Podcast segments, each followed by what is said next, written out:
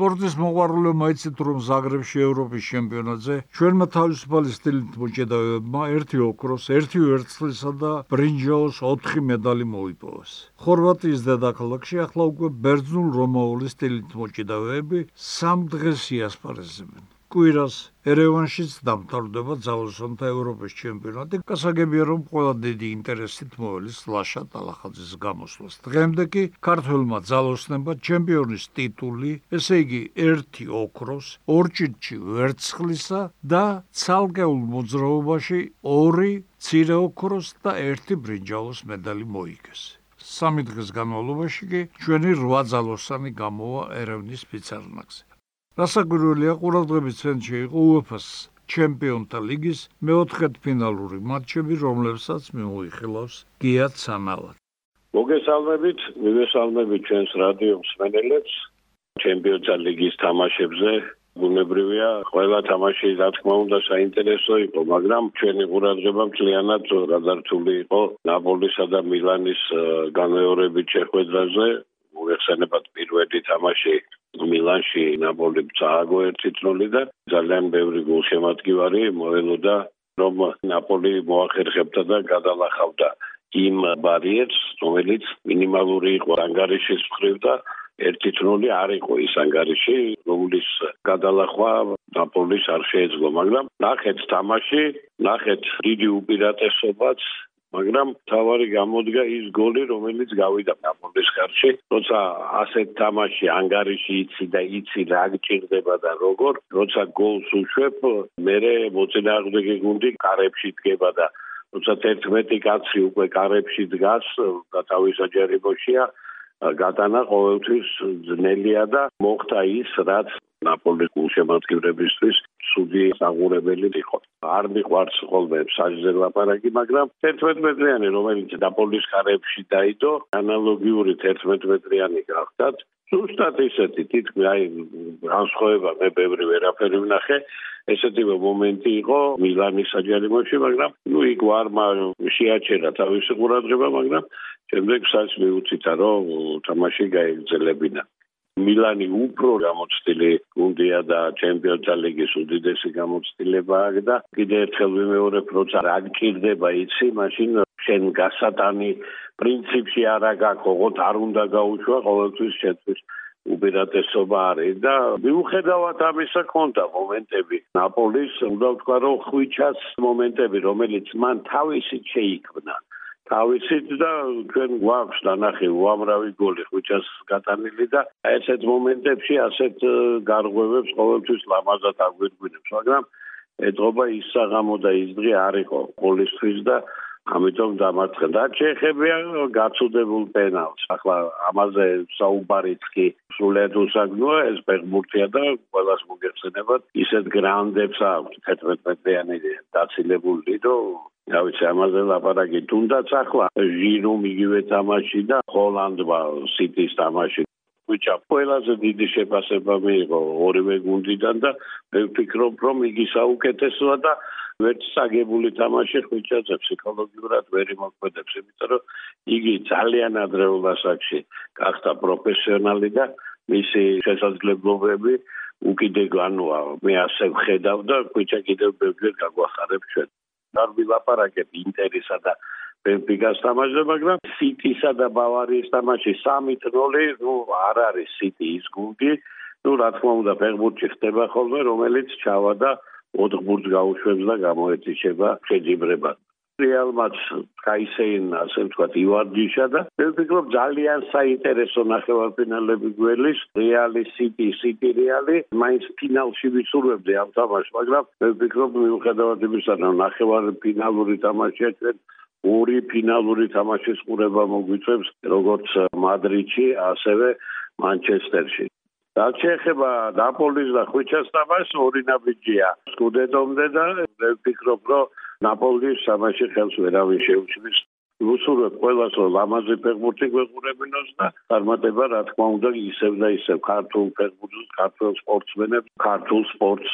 კარგაბზანდებოდეთ დიდი მადლობა 21 აპრილს საქართველოს ეროვნული ჩემპიონატის მორიგი ტური სამტრედიაში ქუთაისის ტორპედოსა და ბათუმის დინამოს მატჩით იწყება. ბათუმებზე ჩვენ სისტემატურად საუბრობთ ხოლმე. არც ტორპედოს მოკლებია ყურადღება პრობლემების პერიოდში. როგორც იქნა სიტუაცია შეიცვალა, დიდი გეგმების გამოიკვეთა და ტორპედოს ახლა დანიშნულ ტექნიკურ დირექტორს თქვენთვის კარგად ცნობილ სპორტულ ჟურნალისტ ლაშა დვალიშვილს გუშინ ტელეფონით დაუკავშირდი.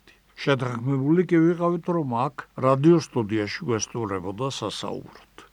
მოგესალმებით ბატონ დავით მივესალმებით თქვენს მენელებს თუმრიანობა გვაქვს მე ამჟამად წარმოვადგენ ნიუ-ვიჟენ უნივერსიტეტის სპორტული მიმართულების პიარის ხელმძღვანელს და შესაბამისად მართლა ძალიან მნიშვნელოვანი დღე გვექნება ჩამოდის ლეგენდარული ფეხბურთელი არგენტინელი ხავიერ ჯანეტი რომელიც წარმოადგენს მილანის ინტერს თქვენ იცით რომ ნიუ-ვიჟენ უნივერსიტეტის ბაზაზია შექმნილი ინტერ აკადემია საქართველოს სადაც დღეს უკვე 500-მდე ბავშვი გადის საწვრთნელ პროცესს და შესაბამისად სწორედ აი ხავიერ ჯანეტის ვიზიტიც არის ძალიან მნიშვნელოვანი ზოგადად ქართული ფეხბურთის განვითარებისთვის. ხა ჯანეტი ძალიან დიდი ფიგურაა ცოცხალი ლეგენდა პრაქტიკულად არგენტინული და საკლუბო იტალიური ფეხბურთის და შესაბამისად აი ეს სამზადისი არის ზუსტად სტუმრიანობას აი სწორედ მისმა ვიზიტმა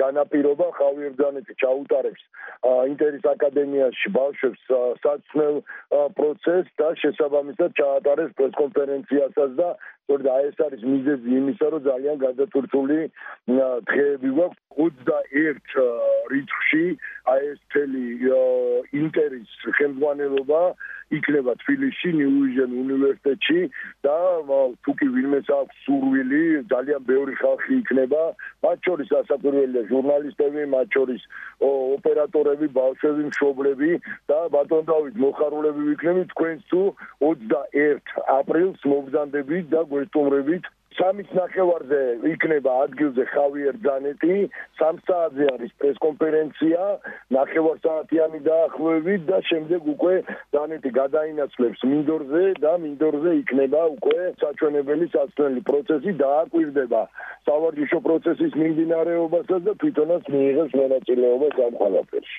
კარლო მჭედლიძის ყოფილი აკადემიის ტერიტორია, ეს არის ბოხუას ქუჩა დიღომში ნომერი 11 New Vision უნივერსიტეტის ტერიტორიაზე არის ეს საფეხბურთო მოედნები და შესაბამისად ინტერის საფეხბურთო აკადემია.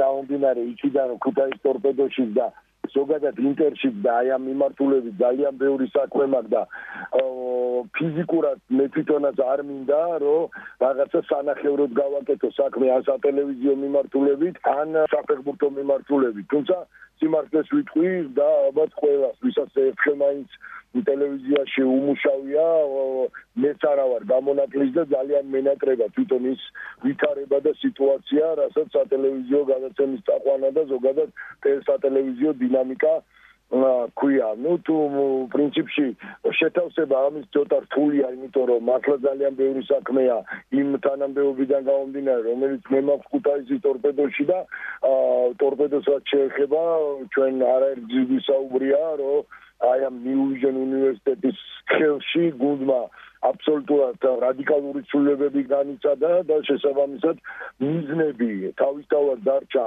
იგივე რაც ამ გუნდს ყოველთვის ჰქონდა უმაღლესი მიზნები აქვს ჩემპიონობა თასის მოგება ამჟამად მესამე პოზიციაზე ვიმყოფებით და 21-ში უნიშნელოვანესი თამაში გვაქვს. ბათუმის დინამოსთან და აქვე ისიც უნდა ითქვას რომ ყველაფერი კეთდება ნიუ-ვიჟენ უნივერსიტეტის მხრიდან რომ კუტაისის ტორპედო იყოს ლიდერის პოზიციაზე და შესაბამისად ძლიერდებით ლეგიონერები და რაც თავარია ფინანსური პრობლემები კურსია, რომელიც ორი წლის წინ იყო შექმნილი ამ გუნდში და პრაქტიკულად დაშლის პირას იყო ეს პრობლემები გუნდს აღარ აწუხებს არც ფეხბურთელებს არც ფელებს და იდეალური გარემოა ამ ხრივ შექმნილი და პლუს ამას დამატებით კიდე ყველაზე დიდ мотивაციას ის ქმნის რომ დაახლოებით 350-მდე ბავშვი არის ადგილზე ქუთაისის ტორპედოს აკადემიაში დარეგისტრირებული საკმაოდ კვალიფიციური მწვრთნელები და შესაბამისად ერთ-ერთი ამოსავალი წერტილი ზუსტად ის არის და იდეა ქუთაისის ტორპედოში მუშაობის რომ აი სწორედ აკადემიიდან მიიღოს ამ გუნდმა შევსება. რა მაინტერესებს? ბავშვთა მწვრთნელების კონტინგენტი საიდან არის ჩაყვანილები ყავთ თუ ადგილობრივები არიან? ჩვენი ერთ-ერთი ამოცანა არის ზოგადად იმერეთის რეგიონი რა თქმა უნდა უმთავრესი სამიზნე ქუთაისია მაქსიმალურად შევეცადოთ რომ ადგილობრივი კადრებით განვავითაროთ ეს ყველაფერი. შესაბამისად ასაკობრივ გუნდებში მუშაობენ ადგილობრივი მწვრთნელები თუმცა თქვენ იცით შეუძლებელია არალიცენზირებულმა მწვრთნელმა იმუშაოს განსაკუთრებით.